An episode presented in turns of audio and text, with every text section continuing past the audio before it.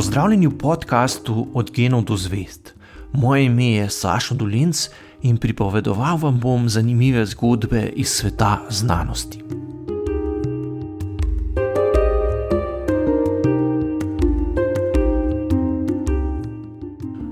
Ob koncu Prve svetovne vojne je svet zajela pandemija gripe. Bolezen naj bi terjala med 50 in 100 milijoni življenj, kar je veliko več, kot je bilo padlih v vojni. Poimenovali so jo španska gripa, ker so le časopisi v neutralni Španiji poročali o bolezni, druge pa so bile novice o zdravstvenem stanju v državi skrbno cenzurirane, saj so bile takšne informacije strateškega pomena. Ocenjujejo, da se je špansko gripo okužila skoraj tretjina vseh ljudi na svetu. Bolezni niso mogli ubežati niti v odročnih vasicah na Aljaski, ne na osamljenih otokih na Pacifiku. Umrlo je od 2 do 5 odstotkov obolelih, kar je 50krat več kot pri običajni epidemiji gripe. Največ smrtnih primerov je bilo pri mladih med 15 in 35 letom starosti, kar 99 odstotkov vseh umrlih pa je bilo mlajših od 65 let. Takole je 29. septembra 1918 v pismu prijatelju epidemijo gripe opisal zdravnik v vojaški bazi pri Bostonu v Združenih državah. Smrt pride že po nekaj urah, to je grozno.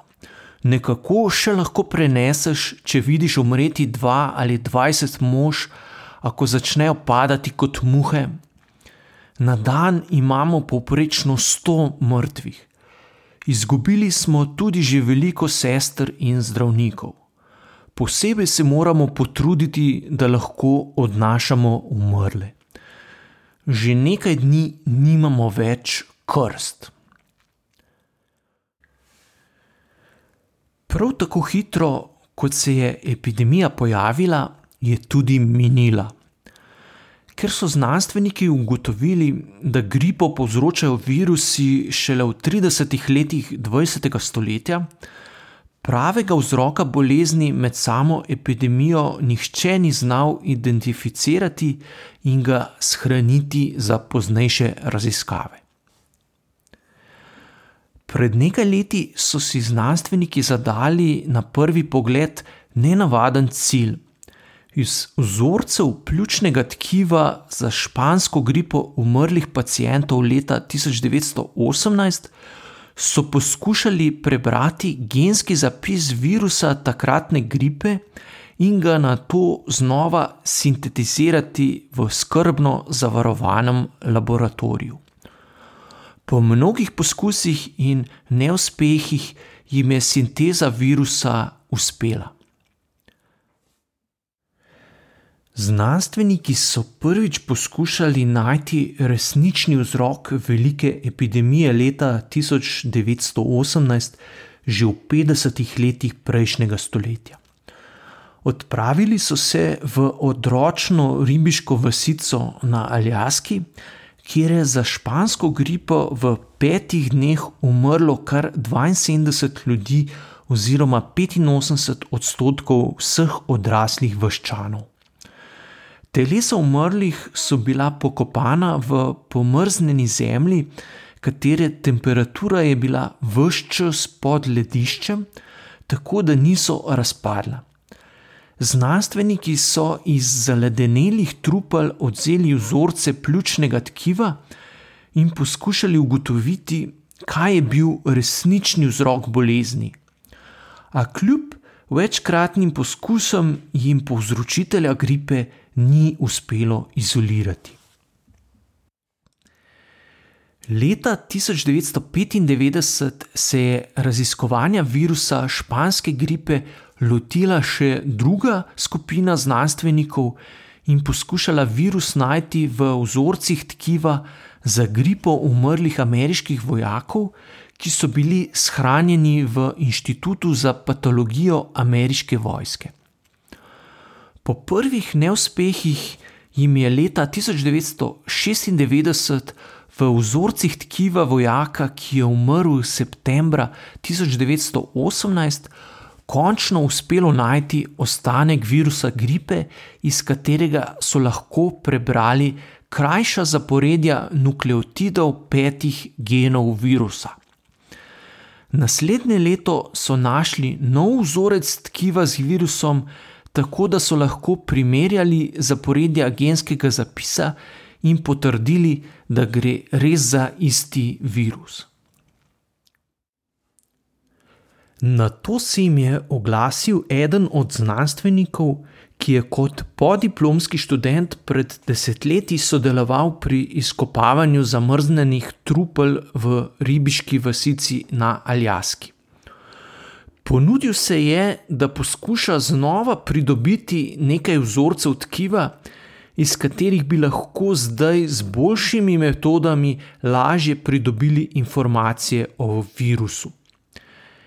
In res je uspelo znanstvenikom prav iz vzorca pljučnega tkiva za gripo umrle ženske iz vasice na Aljaski prebrati vse genom morilskega virusa iz leta 1918. Čez nekaj let je tudi britanskim znanstvenikom uspelo iz vzorcev tkiva za gripo umrlih pacijentov iz kraljeve bolnišnice v Londonu prebrati del genoma virusa. Primerjali so ga z ameriškim in potrdili, da gre za istega povzročitelja bolezni. Ko je znanstvenikom uspelo prebrati vse genom virusa španske gripe, so imeli dovolj informacij, da ga tudi resnično sintetizirajo. To so tudi naredili in z umetno ustvarjenim virusom španske gripe okužili poskusne miške. Virus je v nekaj dneh pomoril prav vse okužene živali. Pokazalo se je, da je veliko bolj nevaren kot je virus običajne gripe. V testnih živalih so pri okužbi s špansko gripo po štirih dneh našli kar 40 tisočkrat več virusnih delcev kot pri okužbi z običajno gripo. Skozi stoletja je človeštvo prizadelo več epidemij gripe, a tako smrtonosna kot je bila španska leta 1918, ni bila še nobena. Po španski je gripa prerasla v pandemijo samo še dvakrat. Leta 1957 in 1968 sta dva nova virusa gripe zahtevala vsak milijon življenj. Vsi trije virusi, ki so v 20. stoletju povzročili pandemije, spadajo v skupino virusov influence A. Ti povzročajo bolezni pri velikem številu različnih živali, ne samo pri človeku.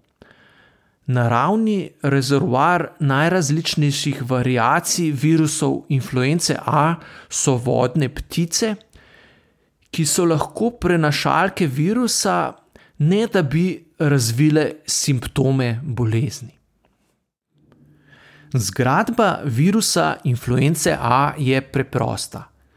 V majhnem lipidnem mehurčku je spravljenih 8 genov oziroma zaporedi molekul RNK. Sam virus nima ugrajenih nobenih mehanizmov, s katerimi bi se lahko razmnoževal, zato poskuša za svoje razmnoževanje izkoristiti celice živali in ljudi ko vstopi v celico, sprosti svoje gene, ki se pomešajo med domače gene v celici, in celični mehanizmi na to pomnožujejo tudi virus, ne da bi se tega sploh zavedali. Za razmnoževanje virusa je torej ključno, da prodre v celico, kar pa nikakor ni lahka naloga. Celice imajo namreč ugrajene mehanizme, ki usiljivcem ne dovolijo nepooblaščenega vstopa. Da celica spusti posamezni mehurček v svojo notranjost, mora imeti ta na svoji površini točno določene molekule, ki delujejo kot nekakšen ključ za odpiranje vrat v celico. Eden takšnih ključev se imenuje hemaglutinin oziroma skrajšano KRH, navodila za njegovo izgradnjo pa so zapisana v enem od osmih genov virusa. Poznanih je kar 16 različnih podskupin tega ključa, ki omogoča vstop virusov v živalske celice, ali redki od teh ključev odpirajo vrata tudi v človeške celice. A zgolj ključ, ki virusu omogoči vstop v celico, še ni dovolj za njegovo učinkovito razmnoževanje. Ko se v celici geni virusa dovolj razmnožijo, jo morajo zapustiti in najti nove žrtve. Zato poskrbi neuraminidaza ali skrajšano kar en. Ta deluje kot nekakšna sablja, ki utira novo nastalim virusom pot iz celice, ki jih je namnožila. Tudi zapis za zgraditev tega proteina je zapisan v enem od virusovih genov. Viruse influence A znanstveniki razločujejo prav po tipu ključa in sablje, ki jo uporabljajo za vstopanje in zapuščanje celic. Virus španske gripe so poimenovali H1N1, ker je pač prvi, katerega učinke so analizirali. Virus, ki je povzročil pandemijo leta 1957, so poimenovali H2N2. Hongkonško gripo iz leta 1968 pa H3N2.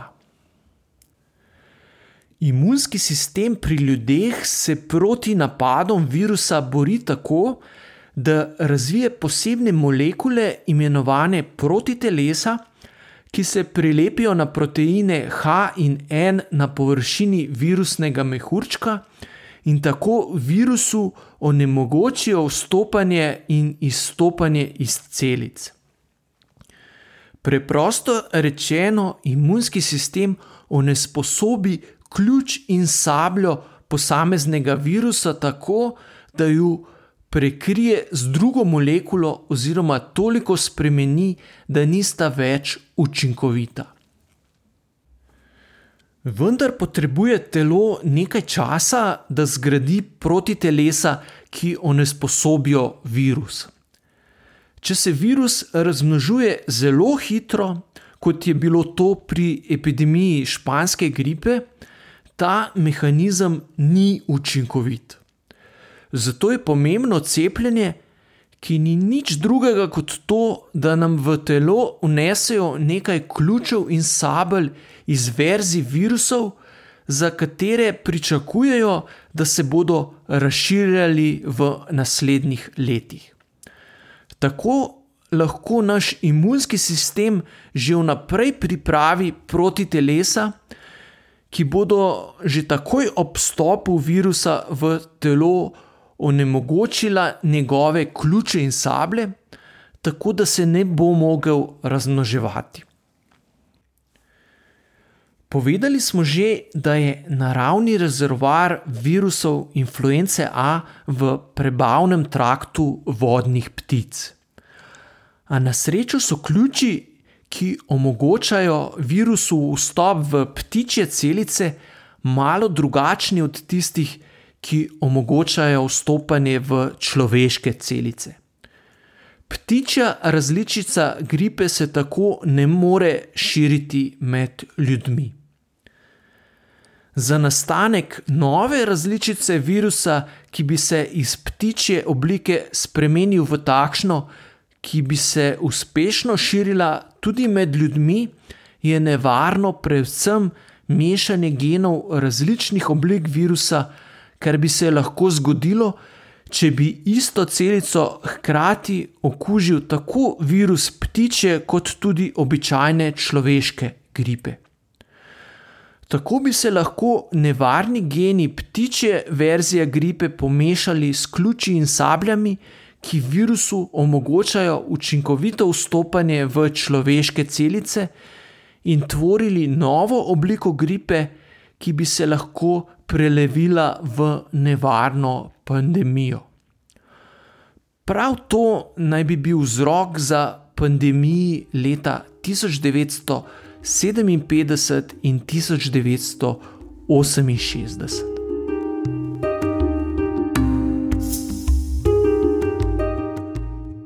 To je bil podcast Od genov do zvest.